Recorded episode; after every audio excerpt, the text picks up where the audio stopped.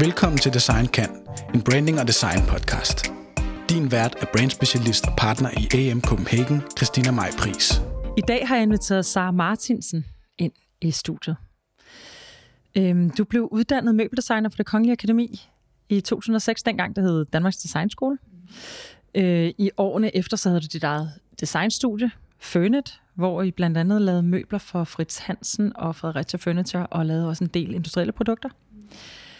Øhm, senere så var du både hos Johannes Torbe og Søren Rose øh, Studio som designchef, og øh, i 2016 sker der lidt et skifte, og du begynder, at, begynder en rejse, der bevæger sig lidt mere væk fra det industrielle design, og måske lidt mere hen imod kunsten. Det kommer vi til at tale en masse om i dag. Øhm, og som med alt andet, du har lavet gennem tiden, nu har jeg fulgt dig lidt på sidelinjen, så øh, er det jo heller ikke gået uset hen.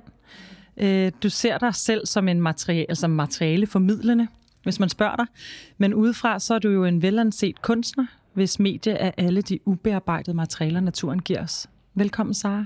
Tusind tak. Øhm, hvad, hvad, lad os starte der med, at du har det her skifte. Hvad gjorde, at du, øh, at du skiftede bane, sådan designmæssigt, karrieremæssigt? Det har helt klart været en timingsting, fordi et eller andet sted så får det får mig til at lyde meget gammel, men, men de der 23-24 år siden, hvor jeg startede på Danmarks Designskole, øh, der blev vi ikke uddannet i, hvad kan man sige, bæredygtige materialer. Øh, der lå en eller anden idé om, at hvis man gjorde noget grundigt, Børg Mogensen møbler, det her massive træ, der kunne vare evigt og sådan noget, så var det bæredygtigt, og så skulle folk, så var opgaven egentlig bare at passe enormt godt på det. Men, men det var sådan en tid, hvor vi tværtimod sådan skulle arbejde lidt imod materialerne og tvinge dem. Det var sådan noget formstøbte, plastikforme, dobbeltkrom, øh, øh, alt det som Finer, et materiale, og, som mm. faktisk ikke kan jo, mm. øh, et naturmateriale. Øh, vakuumsug og 3D-print og sådan noget. Det gik sådan lidt 90'er amok øh, på det tidspunkt. Og jeg tror egentlig ikke sådan, jeg var specielt glad i det der materialeunivers. Og det handlede om at få nogle konsumerprodukter ud på hylderne. Mm. Det var mm. det, vi var uddannet til. Mm. Og da jeg så står der og vælger efter at have lavet sådan meget øh, kreativ ledelse øh, ved tegnestuerne, øh, og, og skal lave mit eget, så bliver jeg også kontaktet af firmaer, der spørger, om jeg vil designe nogle nye produkter. Og hver gang jeg gjorde det, så, så føltes det bare enormt underligt at sætte endnu en stol på hylden, eller endnu en lysestage. Eller... Men var det på grund af materialet, eller var det på grund af bare det at sætte endnu en stol Ja, jeg synes ikke, der var, en, en sådan, der var ikke en substans eller sådan relevans for, at jeg gjorde det. Altså, hvad var min grund til at sætte endnu et møbel ud i verden? Vi har, vi har nok. Hmm. Altså, så skulle det være, fordi det gjorde noget godt. Øh, Men hvad brændte du for med til, design? Hvad var, hvad var det var materialerne. Det har altid været materialerne? Det har altid været materialerne. Nå, okay. Og det, havde, det indså jeg jo de år, hvor jeg, var, øh, hvor jeg var dybt optaget af det med kreativ ledelse. Jeg kan enormt godt lide at arbejde med mennesker og oversætte alt det der med, at kundernes behov skulle oversættes til mine kolleger, og så kunne vi lave et godt produkt og løse nogle problemer for kunderne. Det synes jeg var sindssygt fedt. Men på et eller andet tidspunkt, så savnede jeg bare at have de der materialer i hænderne. Så, så det er ikke formen? Nej. Det er ikke okay. formen. Det, det er fascinerende, hvis man kigger på din, øh, altså på din portefølje, for du har virkelig lavet nogle ekstremt smukke produkter. så der må have været et eller andet, men det måske stamme et andet sted fra? Ja, altså jeg har klart et behov for at forstå, hvor tingene kommer fra. Hvorfor de, hvorfor de gror, hvor de gør. Hvilken rolle de har, sådan nærmest helt ned i de der råstoffer. Og forstå, hvad det er, vi, hvad det er tingene består af. Og hvad vi så kan med dem. Men jeg kan godt lide at underlægge mig materialerne. Langt fra det andet univers, hvor, hvor vi prøvede at formstøbe plastik og få alle de her dobbeltkrumme former, som, som et eller andet sted bare er langt væk fra, hvad, hvad træ og finer egentlig kan formå. Mm. Så, så ikke at tvinge materiale til, hvad det ikke kan. Der er, en, der, der er en ret stor grad af ego i det der med, at man kan tvinge et materiale mm. til noget. Ikke? Men så vil jeg hellere bare underlægge mig materialet og formidle det æstetiske udtryk, øh, også konstruktiv sådan, rolle, hvad det kan. Men jeg vil ikke derover, hvor jeg tvinger det ud i noget, det ikke er. Var det noget, du prøvede at, øh, også at arbejde med, når du fik kunder på det tidspunkt? Altså var det noget, hvor du prøvede at, at, at understrege det, eller arbejde med det, men hele tiden fik et nej, eller fik en anden retningsgivende, eller der var, de havde en produktionsmetode, du skulle forholde dig til, eller var det et eller andet, hvor du følte, at det, at det gik imod det, du ville? Fordi du kunne jo også bare have været fortsat med at lave, lave smukke møbler, eller? Ja, det kunne jeg godt. Nej, tværtimod, så, så tror jeg, opgaven for mig, dengang jeg var øh, lavet kreativ ledelse, det var det der med at forstå kunden, Det, kan, det, det, det, hele, det var hele mit udgangspunkt. Og der er sådan, altså... Så kreativ ledelse er ikke teamet, kreativ ledelse er også kreativ ledelse er helt klart teamet, mm. men i det, at der træder en kunde ind ad døren, mm. så, skal vi, så skal vi forstå den kunde. Og vi designere hører tit mest os selv mm. og vores egne behov. Så når der var en kunde, der sådan stod og, og fortalte om hele deres øh, historie, deres bagland, alt hvad de stod for, og et eller andet sted også var sådan enormt ærlige og hudløse omkring et problem, de havde, så hørte øh, designerne tit noget andet. Mm. Så sådan, det var det her, de har brug for, men det var faktisk ikke det, der blev sagt i rummet. Skal vi så lige øh, bakke tilbage og se, okay, hvor lille eller stort et produkt skal vi egentlig lave til dem? Vi skal jo heller ikke proppe noget ned i halsen på dem, de ikke har behov for. Altså, så det var ret tit den der, og der er jo nogle ret markante design personligheder, personligheder derude, ikke? Og øh, der, så, så på en eller anden måde, så blev min opgave at filtrere det fra, Hmm. Sådan at kunden måske fik noget mere tilrettet dem frem for, at designerne ligesom havde et behov, der deres så blev lidt behov. en forhandler? Ja, jeg blev ret meget en forhandler. Sådan hmm. så jeg mig selv, og det kunne jeg enormt godt lide. Hmm. Men jeg savnede da materialerne. Men havde du, noget, havde du noget med materialer, før du kom på designskolen? Hvor din, hvor din interesse for design og materialer overhovedet kommet fra? Den er kommet helt klart fra min opvækst. Altså min familie, mine forældre har jo taget mig rundt på utallige ture. Min far er arkitekt, okay. min mor er sygeplejerske. Så der er sådan en godt mix der hmm. af, af det humane og arkitekturen og materialerne. Ikke? Og, og vi børn var jo bare sådan, for helvede, ikke endnu en ruin, eller en, en, et slot, eller en borg, vi skal hen og se. Eller sådan. Men det der med at gå i de der gamle afsæt. Øh, og jeg husker tydeligt, da vi var på øh, Kontiki Museet i, i Norge, at de her mænd, de havde bygget de her både af, af siv og balsatræ og sådan noget, som ikke varede noget. Og så havde de seriøst bygget en tømmerflåde og sejlet over Atlanterhavet, ikke? Og jeg fik sådan et stykke balsatræ med hjem, og prøv at høre, det er virkelig underligt og mega nørdet, men jeg elskede det, og jeg tog det tit sådan op af min skuffe, og så tog jeg det ud, sådan i, ud på badeværelset og fyldte vasken op med vand, og så lød jeg det sådan flyde rundt, og sådan oplevede det der med, at det ikke sugede vand, og det kunne flyde, det sank ikke til bunden, og duftede til det og sådan noget. Og sådan har jeg, altså, alle børn gør jo det der. Vi forældre står sådan, nej for helvede, ikke endnu en sten eller en pind med hjem. Vi kan ikke have mere bagagerummet, ikke? Og, og på en eller anden måde, så har jeg jo, så har jeg fortsat det der, for jeg synes, det er sindssygt fedt. Jeg elsker materialer, og jeg vil gerne forstå, hvor de kommer fra. Sådan helt ned i evolutionær historie, det ge- geologiske lag, biologi. Hvorfor gik du så ikke biologi eller geologi vejen? Det, øh, det tror jeg simpelthen, fordi jeg har altid haft sådan en øhm, opfattelse af, at den der forskning, det var jeg ikke klog nok til. Hvor og det var sådan det en kedelig ting. Jamen, det ved jeg ikke.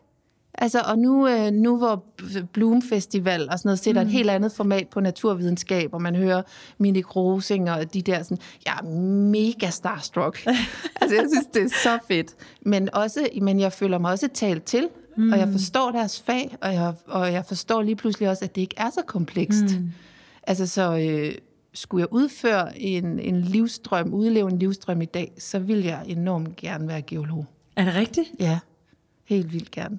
Hold da op. Jeg vil gerne sidde og, og lave de der observationer, øhm, som de gør. Ja. Interessant. Ja. Okay, så men du gik ikke den vej. Du gik design. Altså, hvad, hvad, hvad så designskolen? Hvordan, øh, hvordan poppede den op i din bevidsthed? Øh, Selvfølgelig arkitektur fra din far, men... Ja, Hvorfor ikke arkitektur så? Var det materialet?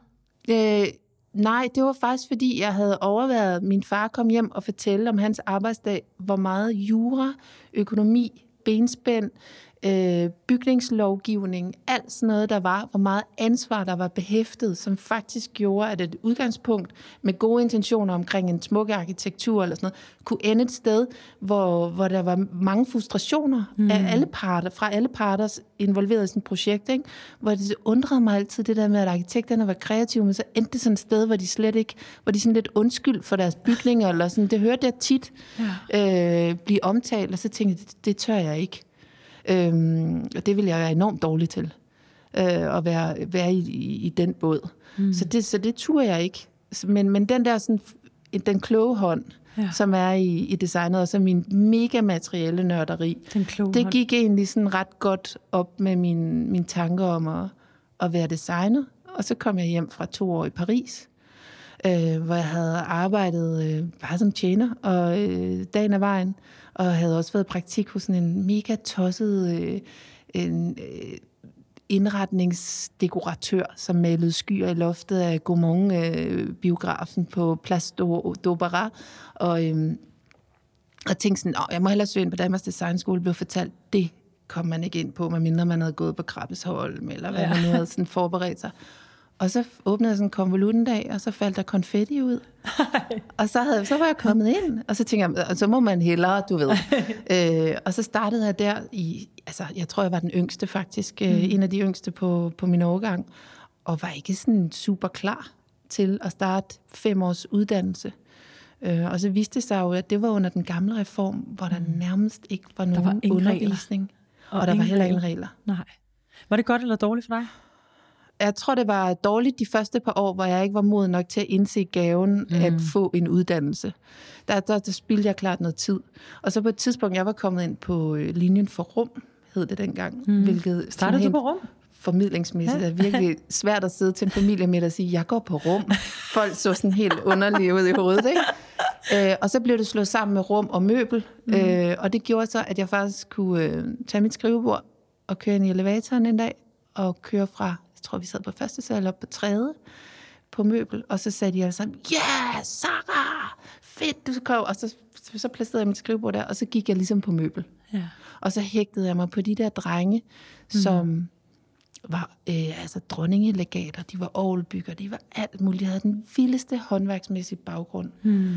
Og så hægtede jeg mig på dem og lærte en masse ned på træværkstedet og metalværkstedet. Øhm, og så fattede jeg det. Altså, og det var der, så kom jeg i praktik hos Gubi, ja. der havde sådan nogle møbler fra Capellini i Italien, og hele sådan mit univers af, hvad møbel, dansk møbeldesign og nordisk møbeldesign var, blev bare udvidet for vildt. Og så tændte det bare en ild i mig, det der med øh, de der materialer og møblerne og håndværket og omhuen, der var i det. Øh, og så var det ligesom der, jeg landede rigtig godt. Så, øh, så det befandt jeg mig ret godt i i mange mm. år med den skala arbejde inden for design. Men jeg savnede måske nok selv at bygge ting igen. På værkstedet? Ja. Øhm, så lad os lige berøre Fønet, som jo faktisk var sådan en entreprenør-eventyr, ja. hvor I var et par studerende, der, øh, ja. der stiftede jeres eget lille bureau, øh, eller hvad man kan kalde... Øh, yeah. Hvad hedder det? Det hedder vel lille bureau. Yeah. Øhm, og hvor øh, alle os udefra stod og kiggede på det mod, I havde, og øh, hoppede ud i at lave de her produkter, og havde virkelig også nogle gode, øh, nogle gode kunder og nogle gode projekter og sådan noget. Ja. Lige pludselig så er alt det der, man lærer fra designskolen jo ikke nok. Nej. Lige pludselig så er du jo selvstændig, så er det jo også, øh, forestiller jeg mig, alt det andet. Altså både det at have et team, men også øh, skaffe kunder og yeah. øh, moms. Og altså det, det, er jo det, det er jo hele pakken det var, I var ret unge, altså det var ret nyt. Ja, vi, jamen det er rigtigt. Vi var ret modige mm, egentlig. Vi var super modige. Og samtidig med det, så var vi også ret dumme. Altså fordi man bliver øh, uddannet til øh, en vis grad af arrogance til at tro, at det kreative kan drive en hel forretning. Øh, hvilket som udgangspunkt er enormt dumt. Ja. Altså, øh, og, og, og, og det gjorde jo så, at vi var tre fuldstændig ens kompetencer, der starter et firma, hvilket er endnu mere dumt. Meget dygtige alle tre. Øh, ja, men kan det samme. Så, så, og så har man jo ikke afdækket alle de andre vigtige elementer i, i en forretning. Ja. Øhm, så, så, så mine to sindssygt dygtige og søde øh, kompagnoner der, Bo og Morten, de arbejdede solen sort foran computeren med Rhino ja. og formgav, ikke? Øh, hvor, hvor fordelingen så blev mere, at jeg var ude ved kunderne, prøvede sådan at forstå, hvor der var et hul ind, om vi ligesom kunne få nogle produkter ind. Og jeg var ret meget tilhænger af at starte der, inden man mm. havde en, en form. Hvor, hvor, hvor vi kom klart fra en skole, hvor man sagde, jamen vi er jo geniale, så den form, vi har lavet, har alle jo lyst til at eje. Ikke? Og, det, altså, og så, så der var helt klart sådan en eller anden modsætning der. Og så var der det kontrakterne mm. og hele den der kundepleje og ops, opsøgende rolle, øhm, den sad jeg med og synes et eller andet sted var meget sjovere end at sidde og tegne 3D. Og det var Bo og Morten også meget bedre til, ja. end jeg var. Af Så du fik grund. allerede den der... Øh den rolle der, allerede inden du ja. kom ud til Johannes og, og Søren. Okay. Ja, jeg kan og godt den lide den spændvidde og, mm. ja, i designfaget. Nå, det synes jeg er ret fedt. Ja. Interessant. Men jeg, jeg elsker jo generelt bare at samarbejde med mennesker. Ja, mere end at sidde ved den computer der. ja. Og materialer, rørematerialer. Ja. Fordi tilbage til det, du laver den her, sådan det her skifte. Er det en bevidst skifte? Eller er det... Altså, siger du til dig selv, nu skal, nu, nu skal der ikke sættes flere øh, møbler, nu skal, nu skal jeg ikke tegne flere møbler, nu skal jeg ikke lave mere øh, industriel design til den her verden, nu skal jeg ud og gøre noget andet. Altså har du sådan en øh, opvågning, eller altså hvad, hvad foregår der? Fordi det her jo- det er jo, Ja. okay, fordi udefra virker det også ret bræt. Altså det er virkelig sådan, Ja, det er sjovt, du siger det. ja, Jamen altså, jo, fordi at øh, når jeg stod der, og havde, jeg har jo lysten til at, at, øh, at formgive og sætte ting i verden. Øh, men det gør du også stadig. ja, øh, men så ville jeg have det ekstra lag af relevans. Altså, så blev det nødt til at være et materiale, der enten var, øh, der, der, der, ikke mere plastik, altså ikke mere krom. Ikke, øh, og, og det er jo nemt at stå og sige, men hvad så? Hvad er så Ja. alternativet? Og når jeg så ringede rundt til firmaen og prøvede at forstå, hvilke materialer jeg så kunne gå ombord i, så får man jo som regel den der øh, marketingchefen i røret, ikke? Og så får man jo kun den gode historie. Man får jo ikke øh, bagsiderne ved et materiale, eller at, at der er blevet, øh, at det har et kæmpe klimaaftryk, når det bliver produceret. Nej. Og det, så- altså, alle de der mega relevante informationer, dem fik jeg ikke. Og så tænkte jeg, så bliver jeg sgu nødt til bare at starte fra nul. Men, men man kan sige, øh, producenterne har vel også mere lyst til at tale om de innovative materialer, de sidste nye, de der kompositmaterialer, eller de der øh, materialer, der kan noget helt nyt, som på ingen måde er taget direkte ud fra en naturlig kontekst. Ja, men det har Så du, du har også i. på en eller anden måde, øh, du har også på en eller anden måde valgt at gå tilbage i tiden, eller Ja, starte fra et andet udgangspunkt, end, ja. end man som designer arbejder med det. Ja, og så, og så gik jeg ombord i plantefiberne, altså, fordi jeg har jo altid forstået øh, træ og min uddannelse, det der med, at okay, der, er- der er noget blødt træ, der er noget hårdt træ, alt efter hvor lang tid det har taget om at gro. Der, er- der er vildt mange ting, man skal sætte sig ind i, hvis man skal arbejde med træ. Øhm, og det kan jeg jo godt lide. Øhm, Hvorfor? og underlægge mig den. Der er en ydmyghed i at forstå materialet, og, og, og hvis, hvis man skal bearbejde et materiale, så bliver man jo nødt til at forstå, okay, årene går i den retning, og sådan, ellers så ender man jo med at lave noget, noget uholdbart. Øhm, og så gik jeg i gang med de her planter, plantefiber, og begyndte at bestille hjem, og det var sindssygt svært, fordi verden er ikke indrettet til det, det niveau af nysgerrighed, som jeg havde. Nej. Jeg ville jo gerne have råfiberne. En, altså høstet, tørret fra marken, ikke mere. Og når jeg ringede rundt, så var de sådan, ja okay, hvor mange container skal du have? Og, eller hvis de overhovedet tog telefonen, eller svarede mm. på mine mails, ikke? Og så til sidst så fandt jeg ud af, at jeg kunne nå igennem WhatsApp, alt efter hvilket land. WhatsApp er godt i Indien, du ved, WeChat er godt i Kina. Der er alle de her ting. Og så fandt jeg jo fra, faktisk frem til nogle mennesker, der var interesserede i, der sad på en fabrik og sagde, det kan godt være, at vi har de her 10 plantefibre. Naboen 5 km væk har fem andre. Vi gider godt at samle en kasse til Sara, så må vi tage en overpris for at sende den til hende. Og så, så fik jeg to flyttekasser hjem med de her fantastiske plantefibre, og så gik jeg ellers bare i gang, ikke? Med hvad? gør undersøge dem. Jamen, det er jo det. Altså, det vidste jeg jo ikke, så ikke- det var en lille smule angstprovokerende. Øh, Det var klart en muskel, jeg skulle løbe i gang igen, fordi jeg ikke havde haft materialerne i hænderne i så mange år. Så, så det, der, der var jeg en lille smule svedt. Ja. Og, og det er svært at stå og lave grimme ting, øh, når man arbejder med æstetik. Ja. Men det er materiale øh, undersøgelser og Jamen, eksperimenter vidste du, hvad du skulle? Nej, Men det vidste hvad, jeg hvad, Så du, du vidste, vidste du, at du ville ende ud med, med værker, som du ender ud med nu? Vidste, Nej, jeg troede, jeg skulle ende ud med et produkt, som så havde en anden øh, relevans, et andet lag af eksistensberettigelse på hylderne derude ved siden af de andre konsu- consumerprodukter. Det troede du? Ja, det troede jeg. Øh, og så blev det jo de her e- materielle eksperimenter, som endte med at være ret smukke. Ja. Øh, og jeg kunne mærke, at jeg var stolt og glad over, hvad, hvad jeg ligesom formåede med dem. Mm. Og så er der jo det fantastiske ved sociale medier. Altså mm. begyndte folk jo faktisk at kontakte mig og spørge, om de måtte købe mine materialeeksperimenter. Og jeg var sådan, hvad? Mm. Eller, nå, ja, okay. Og, og, og i og med, at jeg jo også har arbejdet med forretninger og strategier og sådan noget, så kunne jeg godt se, det her er sgu da egentlig ret spændende. Altså, hvis jeg kan tænde den ild i folk, Ja. der kan være så interesseret i noget så banalt som en tør bananfiber, eller et eller andet, hvad jeg nu stod med i hænderne. Det er jo genialt. Ja. Øhm, og jeg havde jo selv, jeg kunne godt se, at folk faktisk så også havde savnet at få de der materialer mm. tæt på igen, ligesom jeg selv havde. Der lå noget spændende der. Øh, og med det kendskab, jeg har til materialer og den håndværksmæssige kunde, så kunne jeg jo faktisk modsat det, jeg havde sagt til mine teams før, pres noget ned i, ned i halsen på folk. Altså, fordi så når jeg har deres opmærksomhed, mm. Så har de deres, deres tid, et kort øjeblik, og den fakta eller historie, der så ligger om materiale, den kan jeg nå at fortælle dem. Det men, synes jeg er fedt. Men altså, jeg tror stadig, jeg, jeg tror stadig, at det er så svært at forstå udefra, fordi det, det er så to forskellige verdener, men hvor, altså i den periode der, hvis vi siger fra 2006 og så frem til nu, hvor det jo, hvor det jo er det, du laver og lever af, og hvordan, øh, hvordan får du kørt det i gang? Altså, hvem, der er jo ikke nogen, du har ikke nogen sponsorer på, der er ikke nogen, der siger, så vi har vildt meget brug for, at du undersøger det her, eller du, og du har ikke nogen forudsætninger, eller hvad, altså, øh, det, det, er bare, det er bare vildt at se, hvordan, hvor har den der, den der drift kommet fra, hvordan har det kunne lade sig gøre på en eller anden måde, ikke? Jo. Øh, Jamen, det gik også faktisk rimelig stærkt. Ja. Øh, jeg tror bare, den der øh, den glæde, jeg havde ved at stå med materialerne, blev meget hurtigt oversat til noget, folk kunne forholde sig til. Hmm. Det var ikke så flygtigt endda. Nej. Øhm, Nej, for det ender jo med et produkt, eller man skal ja, sige, det ender et med værk. et værk. Ja, det gør det. Ja. Øh, og, og folk kunne måske, det var måske også der, hvor de, det startede med at være mere dekorative objekter mm. end, end kunst. Og jeg, har, jeg er overhovedet ikke, øh, jeg går overhovedet ikke op i, om folk kalder mig for en kunstner, eller en designer, eller, eller en kunsthåndværker. Det, mm. det har ikke nogen betydning for mig i hvert fald. Altså, så det gav mig jo også et spillerum, mm. hvor kunstens verden er altså træd, altså, den er svær at træde ind mm. i. Der er mange spilleregler. Det, det formoder jeg også, arkitekturens og design, øh, designverdenen er.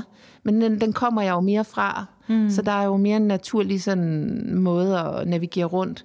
Hvor mm. kunst, øh, det, det oplevede jeg som... Jeg havde, jeg havde en forestilling om, at det var en lukket verden.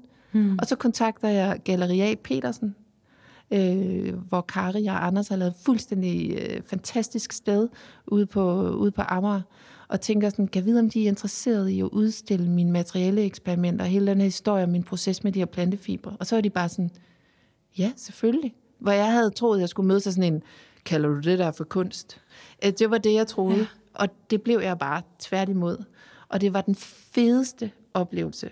Øh, Hvornår var det? At lave den udstilling. Det var september, har det været 20 eller 19? Det, okay. Fordi vi nåede faktisk at være 9 ud af 12 måneder åbne, trods corona. Ja. Så det har været lige der. Hmm. Men det er sjovt, fordi en, en fin måde, synes jeg, at beskrive det på, er jo det der med, at kunsten stiller spørgsmålet, og design besvarer den. Ja. Det er jo præcis det, det her, det gør. Ja. Altså, du, du, og det er jo derfor, jeg i hvert fald udefra, og det er jo det er måske også tit sådan kunst... Øh, øh, det er jo tit sådan, man ved, om man er det ene eller det andet. Det er jo virkelig, hvad folk omkring en, hvordan de betragter de værker. Så kan du egentlig vælge med, at du selv føler dig som, jeg betragter det som kunst. Jeg betragter det som, at du stiller spørgsmål, og at øh, vi andre så egentlig besvarer det, eller vi kan bruge spørgsmålene til et eller andet i forhold til vores ja. egen, både filosofisk, men også rent materialemæssigt. Altså, for det er jo ikke bare sådan en, det er ikke bare et smukt værk. Det er jo også en undersøgelse. Der ligger også uh, reel uh, research bag, ja, uh, som, som uh, kan bruges til noget. Når man ser dine udstillinger, så er der jo, der er jo et kæmpe, der er jo, det er jo et materialebibliotek, du er ved at bygge op, ja. som er så enormt, ikke? Jo, Altså jeg vil sige, når jeg står med materialerne her, når jeg eksperimenterer med dem, så lige det, I får lov at se, er jo det, jeg synes, der er relevant at bære ud. Der er også mange grimme øh, og, øh, og fejlagtige eksperimenter, Øhm, hvor dem, jeg, det er ikke, fordi jeg ikke tør at vise dem, men det gør jo bare, at, at, at folk enten vender, vender ansigtet den anden vej, og det skal de ikke. Jeg skal have deres opmærksomhed, så, så jeg vælger jo også nøje, hvad folk skal se på så den du måde. æstetikken ja. som værktøj til at forstå de her materialer? Helt sikkert. Mm. Helt sikkert. Og få folks opmærksomhed. Øhm, og det samme med min research. Der er enorme mængder af research, som jeg koger ned til et faktaskilt på måske 10 linjer, hvor teksten må ikke være for kort, men den må godt nok heller ikke være for lang, for så for, folk stopper ikke op og læser det. Men det er altid med mine værker. Så når jeg arbejder med gletschermel, jeg har fået udleveret øh, Gletschermel? Ja. ja. Siger du og smiler, som om det er bare det vildeste. Jamen, det er jo sådan, jeg, jeg har det. det findes, var det gletschermel. Ja, gletschermel. Øhm, og så, så skal jeg jo også være modig og ringe til, til en, en, gletschermel er. En du kan ikke bare fan. sige Nej, det kan ikke. og så stop den der. Nej, det er rigtigt. Men så ringer jeg til Minik Rosing, den, mit, mit store idol der. Og han er sød og venlig og siger, kom op på mit kontor dernede på Botanisk Have i København K. Og så står der to flyttekasser med, en, med sådan en skovl i. Så spørger han mig pænt sådan, og en bærepose, hvor meget vil du have? Hvor meget gletsjermel vil du have? Ja. For- Fortæl mig, hvad gletsjermel er. Øh, det er øh, klippestøv fra Grønland. Helt kort fortalt. Men det er det klippestøv fra Grønland, som ligger under et tyk, tyk lag af indlandsis, som bevæger sig hen over klippen Så det er og grinder sig i, til støv, mm. som bliver øh, udledt med smeltevandet og ligger sig i fjorde og bugte. Øh, omkring 1 milliard tons årligt bliver der udledt. Det ligger fuldstændig dvale i det arktiske miljø, fordi det er koldt. Hvis du opsamler det, og det, det kræver ingen industriel forarbejdning, du skal bare indsamle det, tager det med hjem til et tropisk, det tropiske bælte på jorden, som er kendetegnende ved varme, fugt og næringsfattig jord. Derfor vi fælder regnskoven igen og igen for at få nye dyrkningsarealer. Du spreder det ud der, så bliver det fuldstændig aktiveret i, på grund af fugten og varmen, og så er det fyldt med mineralske næringsstoffer, som jorden og planterne gerne vil have. Øh, Så man kan berige du kan fuldstændig berige jorden. hele bæltet på jordkloden med, med gletsjermel. gletsjer klippestøv fra Grønland, og det har Mini Grosing blandt andet fundet ud af. Øh, og, øh, og jeg bliver vildt fascineret af, at der findes et materiale, der er i dvale med det her potentiale. Øh, og ja, mine tanker går straks, okay, forretninger, jeg skal have fat i, øh, hvem skal jeg have fat i? Nogen, der forstår, øh, der, der, der gerne vil lave en forretning, men ikke nødvendigvis selv vil have pengene, sådan at Grønland kan aktiveres, sælge et, ros, et råstof som gletsjermel, øh, og få den rolle. Øh, og, øh, og, og, og så vil jeg jo gerne formidle, at det findes, og så begynder jeg jo at lave nogle værker. Øh, Men, men at det, altså det, du siger der, det er jo, altså det ved jeg ikke, om, om det er gældende for flere af dine værker, at det har startet på den her måde. At du i virkeligheden stadigvæk laver den her, øh, øh, hvad kan man sige, den her forhandling, eller den her sådan, altså er det det, du stadig gør, sådan, så du, du ser noget, du, en, du kan se, der er en forretningsmodel i den, eller du kan i hvert fald se, at verden har brug for den, planeten Ja. har brug for det, Ja. og så begynder du at hægte folk op. ja. Det er simpelthen sådan, du arbejder med det. Ja, det tror jeg faktisk, du har ret i, at de der tråde, de skal mødes. Altså, fordi det giver jo ikke mening, at det her materiale skal ligge der i dvale, hvis vi rent faktisk, altså vi, er jo- vi er jo over i sådan nogle ekstreme, svære problematikker omkring fødevaresikkerhed, alt muligt, ikke? Ja. hvor det her materiale kan løse nogle af de ting, der er mega komplekse med, altså, øh, med et trylleslag. Det er jo også forkert at sige, for Ja, ja, ja. det bliver det jo ikke. Øhm, men altså, så går sådan nogle dygtige og, og kloge mennesker jo ind, som Mine Grosing og siger, at det har, vi har lavet nogle beregninger, kan det overhovedet øh, betale sig at fragte det fra Grønland til det tropiske bælte? Giver det mening? Øh, Man skal også passe på, at man ikke øh, øh, laver rovdrift Oh ja. på ting. Og lave nye problemer. Ja, lave mm. nye problemer, så det skal jo også håndteres ordentligt. Mm. Men i det hele taget, så starter min rolle jo der, hvor jeg bare gerne fortælle, at sådan et materiale findes. For så sker der jo det magiske, at folk hmm. ringer til hinanden og siger, jeg tror godt, jeg Har kan hjælpe dig om. Har du gletsjermel?" hørt? Ja, præcis. Har du hørt om gletsjermel? Jeg kommer til at ringe til nogen. Ja, jeg elsker det. Ja. Og jeg har lavet et værk i, øh, i stål, hvor jeg også har beskrevet det der med, det fandt jeg ud af min research. Jeg vidste ikke, jeg ville ønske, jeg havde vidst det. For så kunne det være, at jeg var blevet geolog. Ja. Øh, men at, at jern findes i den yderskorpe, omkring lidt over 6 procent, tror jeg det er, i den yderskorpe af jorden, jordkloden. Og så har vi den hele flydende masse inde i kernen af jordkloden. Og omskiftelighederne mellem den faste og den flydende masse af jern, er det, der giver magnetfeltet her på jorden. Altså, så du og jeg ikke flyver rundt ude i øh, universet, men rent faktisk bliver her. Og sådan noget, den der sådan fuldstændig sådan banale på en eller anden måde, alle og enhver kan forstå det. Men så, har, så får øh, historien og rollen af jern, i hvert fald hos hmm. mig, det, det får en værdi, som, jeg ikke, Ja. ja. som den ikke havde før. Og det synes jeg er enormt fedt. Øhm, Så hvis nu vi siger, at du laver, øh, nu ved jeg ikke, hvor mange værker du har lavet i gletsjermel.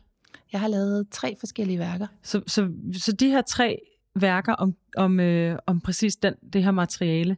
Ja. Ja. Skriver du så den her historie, som du lige har fortalt mig nu? Ja, helt kogt ned i et skilt øh, ved værket. Så det er simpelthen formidlingen, der ligger i det. Altså for, her er der en idé, tag den. Ja, Her er der et spørgsmål, der har brug for at blive besvaret. Tag Ja. det.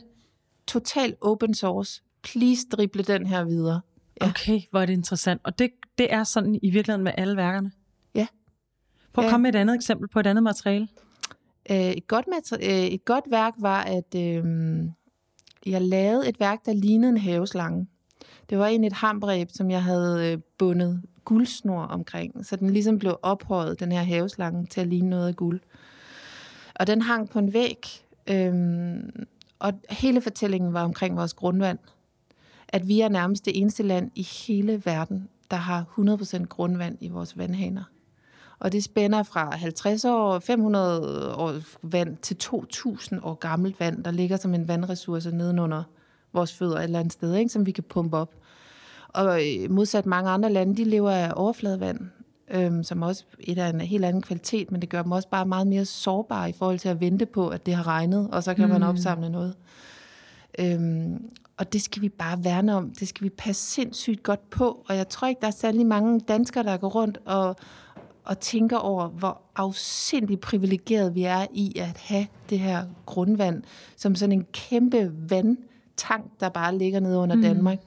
Øhm, og vi så det jo lidt sidste år med Frankrig, mm. der fik kørt lastbiler ind og vand og sådan noget. Ikke? Øhm, det, det vil jeg gerne formidle. Jeg vil gerne formidle, at noget, der er så øh, hverdagsagtigt som vand, og vi bruger det jo altså, det skal jo så lige stille, jeg ved faktisk ikke, om det er i vores brandhaner, men vi bruger det jo altså til toiletskyld, mm. havevanding, alt muligt. Det er fuldstændig rent drikkevand, ikke? Ja. Øhm, Men det er, det er interessant, fordi det kører lidt, det, det er lidt mere meta, det værk. Det er lidt mere sådan, øh, for du ja. kan ikke udstille vandet, måske. Nej, jeg kan ikke udstille vandet. Så der bruger du hamp i stedet for. Hvorfor vælger du så sådan materiale som det? Jamen det er jo fordi, måske det er min baggrund som designer, men det bliver på en eller anden måde sådan øh, øh, levendegjort i, i forhold til den her vandslange. Hmm. Altså som du og jeg så går rundt, ikke? så går vi rundt og vander vores, vores græsplæne. Det er også det er totalt idiotisk. Det gør jeg altså ikke, så. Nej, det, nej, det gør jeg heller ikke. men, øh, men, men, men det bliver det der, vi berører. Mm. Det er der, vi, vi går og, og har den der, sådan, vi tænder for vandhanen, vi vander vores planter, vi gør det der. Så det, er jo, det bliver jo det produkt, der på en eller anden måde gør, at, at vi er i kontakt med det der element, der bare er, er vand. Mm. Vi er jo ikke der, hvor vi skal gå flere kilometer ud til en brønd og hente. Så på den måde står vi jo ikke ansigt til ansigt med, hvad kan man sige, den, den, det råstof, den råvare på mm. samme måde. Og så var det, jeg tænkte, jamen, der gav haveslangen egentlig, det var et meget godt billede på det mm. der vand. Det, det er meget, meget interessant. Øhm, igennem de sidste, jeg ved ikke, hvornår I, I øh, startede ud på det projekt, men din mand og dig har et, øh, en Instagram-profil, der hedder Barnhouse Cabin, ja. som jeg i hvert fald har fulgt øh, flittigt, øh, hvor der også er rigtig mange følgere og rigtig meget øh, interaktion, fordi det er jo det er virkelig oprigtigt en fantastisk øh, profil at følge. I har bygget jeres øh, lille, fine barnhouse op i en skov ja. et eller andet sted. Jeg ved ikke, hvor skov det er, men det ser enormt skovagtigt ud. Ja, det er det også. Øhm, og, og så har man egentlig bare været med. Man har ligesom været sådan øh, en flue på væggen i hele jeres opbygning af, af huset og området omkring, og materialevalg og ja. øh, indretning og alting. Altså, øhm, er det, hænger det sammen? Altså, jeg kan næsten sige mig selv, det gør. Men det er, jo, det er jo på en eller anden måde også din formidler, der kommer ind der. Altså dit ønske om at, og, øh, at give noget tilbage, eller altså vise, at der er andre måder at gøre tingene på, eller jeg synes, jeg kan huske på et tidspunkt, at I, I laver en hems, og I laver sådan nogle øh, lameller der på, og du skriver ja. en lille... Øh, du skriver i hvert fald en lille tekst om lameller eller, eller andet, hvor jeg sådan, øh, blev sådan, i hvert fald, jeg tænkte bare, det er underligt at sidde og tænke over det nu, men hvor jeg sådan, øh, du får det på en eller anden, der er et eller andet sådan ekstremt filosofisk i dig, der er en eller anden måde, hvorpå du, ja. du altid fortalt om, eller I får fortalt om lys og skygge og materialer og ja. indvirkning på rummet, og om det kan i hvert fald, øh, det, det, det vil være godt for alle at gå ind og se på det. Det har i hvert fald også bare været enormt interessant at følge. Hvorfor besluttede I det? Jamen, det er klart Mikkel, min mand, der skal okay. have kadoen for det. Vi sad, som er arkitekt? Ja. Hmm. Øh, og som jo også arbejder to. med bæredygtighed i virkeligheden, Ja, det gør ja. han i høj grad. Ja. Øhm, det, det kan vi jo komme tilbage til, men det er jo, det er jo der var nogle gode samtaler ved middagsbordet. Ja, og man har også nogle sindssyge skænderier, ikke? Fordi hvor er skæringsfladen mellem arkitektur og design og sådan noget, ikke? Det skala, det er kun et spørgsmål om skala. Ja, men, men når i, i ægteskabet, hvor vi havde aftalt, at skæringsfladen var, at arkitekturen var, var hans, og design og interiør var mit, ikke? Hvor stopper det ene, og hvor starter ja. det andet? Det var ret umuligt. Ja, men altså, vi, vi fik vi, med vores mindste her, Hugo, så, så manglede vi noget plads, og så sidder man og taler om, hvad så er næste skridt boligmæssigt? Og der var Mikkel bare sådan, prøv at høre, øh, vi fordobler vores huslejeudgifter, hvis vi bare skal have et værelse mere. Øh, hvad nu, hvis vi tager en million og putter på en grund? et mm. sted. Og, og de timer, vi alligevel er hjemme i hverdagene fra 5 til 8, inden børnene skal sove, det er så minimalt, så vi investerer vores tid og vores penge i weekenderne. Øh, og Hvornår var det her? Han, det var 2014. Det var 14. Snakken startede i slut 13, mm. og i september 14 får vi købt øh, 2.500 kvadratmeter skovgrund lige ud til Asser. Øh, Ej, det er så smukt. I Asserbo ud til Arsø. Øhm, og, øh, og Mikkel får forhandlet øh, grunden rigtig godt ned. Vi får den byggemodnet. Øh, det koster 92.000, tror jeg, det kostede dengang. Så har vi vand og el. Og så havde vi intet andet end en skov og nogle slanger, der ligesom stak op af jorden. Ikke? Og Hugo sad, øh, var blæbarn, og var, han er fra april 14. Ikke? Og så går vi i jorden januar 15, får lavet et fundament, og så bygger vi alt selv derfra. Altså alle alt. weekender. I gør alt selv? Alle weekender, alle ferier. For man tænker om, der er en uh, bags, altså en, uh, er der en anden side af Instagram, hvor der er nogen, der gør det, men det er jer, der gør alt. Det er os, det, det er os der gør alt. Det er fuldstændig alt. Og det er Mikkel, der, der kravler rundt, og mig, der holder ved. Uh, så den der sådan, lige et øjeblik, skat, uh, to sekunder, det var jo 20 minutter, fordi mor holdt den væk, mens far uh, borede gevinststænger i. Og, altså, så vi endte jo med at bygge sådan noget, der lignede en hundegård til Hugo, så han ikke kom til skade på byggepladsen, ikke? Og Andrea, vores store pige, har været 10 der, og, og, og gik rundt og snittede lidt pind og lavede lidt bål og hyggede sig, og havde da klart også en rolle, hvor hun skulle passe lidt på lillebror, så han, så han ikke kom helt galt afsted. Ikke? Og vi fik lavet det der hus, øhm, som er vores vildeste ventil i dag i forhold til ja. det der byliv. Og vi elsker at have tre minutter øh, til alt på cykel, men det er med også fedt at kunne, kunne sætte os i en bil, og så køre 45 minutter ud af byen, og så er vi det der mm, altså det er magisk deroppe. Det er ja. virkelig, virkelig fedt. Ja. Og det er øhm, blevet så smukt. Ja, altså, det er virkelig helt fedt hus. ekstremt fint. Og Mikkel har jo tegnet huset sådan, at altså vi var jo totalt, det kan godt være, at Mikkel er arkitekt, men der er jo stor forskel på at tegne et hus, som andre skal bygge, og så rent faktisk bygge det selv. Og der har han jo lavet nogle spær, der gjorde, at når vi havde rejst dem, så kunne vi ret hurtigt få tag på. Og når man står med sådan en blæ baby uden rendende vand. Så han designede det til en børnefamilie, der skulle selv lave det? Der selv skulle lave det. Og et hus som udgangspunkt, hvor taget ikke skal bæres af væggene. For det er jo et kæmpe stresselement. Mm. At tænk, hvis man så ikke har bygget det stærkt nok. Nej, okay. Men her, der er det ligesom båret af spærene, og så puttede vi væggene på til sidst, og så havde vi det smukkeste hus, hvor man kan se de der spær. Der er også sådan, mm. sådan øh, der er en ærlighed der. Der forstår folk, når de går ind i huset, hvordan det bygget, mm. ikke? og øh, hvordan konstruktionen rent faktisk er. Det er ret fedt. Fantastisk. Ja, altså, der, der er et spørgsmål, der, øh, der popper op, og det er det der med, hvordan, eller hvorfor du mener, øhm, at helt almindelige verdensborgere, som øh, mig og Jeppe, der sidder her i rummet også, øh, hvorfor skal vi overhovedet vide noget om det her? Materialer? Med materialer. Hvorfor er det vigtigt? For vi jo, altså man kan sige, der er ingen af os, der sidder som øh, udøvende industrielle eller møbeldesigner eller noget andet arkitekter. Hvorfor er det vigtigt for os at forstå materialer? Øh, det er fordi, det er hele vores sansapparat, og hvis det ikke er i gang, så tror jeg faktisk sådan grundlæggende, at vi er ulykkelige. Mm. Altså, det tror jeg. Vi kan ikke fornemme ting, vi kan ikke navigere, vi kan ikke bruge vores logiske sans. Og i alle de der år, hvor vi ligesom, både industrialisering, men også bare hele globaliseringen, så er vi bare eksporteret hele vores produktion til langt væk, sammen med mm. vores klimaaftryk, så det mm. ligger hos nogle andre. Men, øh, men i det at gå efter en, øh, et prisvenligt produkt, det har jo også resulteret i, at, at al den viden, der ligger i at producere ting, den er gået tabt. Mm. Og så bliver vi afkoblet. Øhm, du skal lugte, føle, smage, se. Du, det skal du bare øh, som menneske.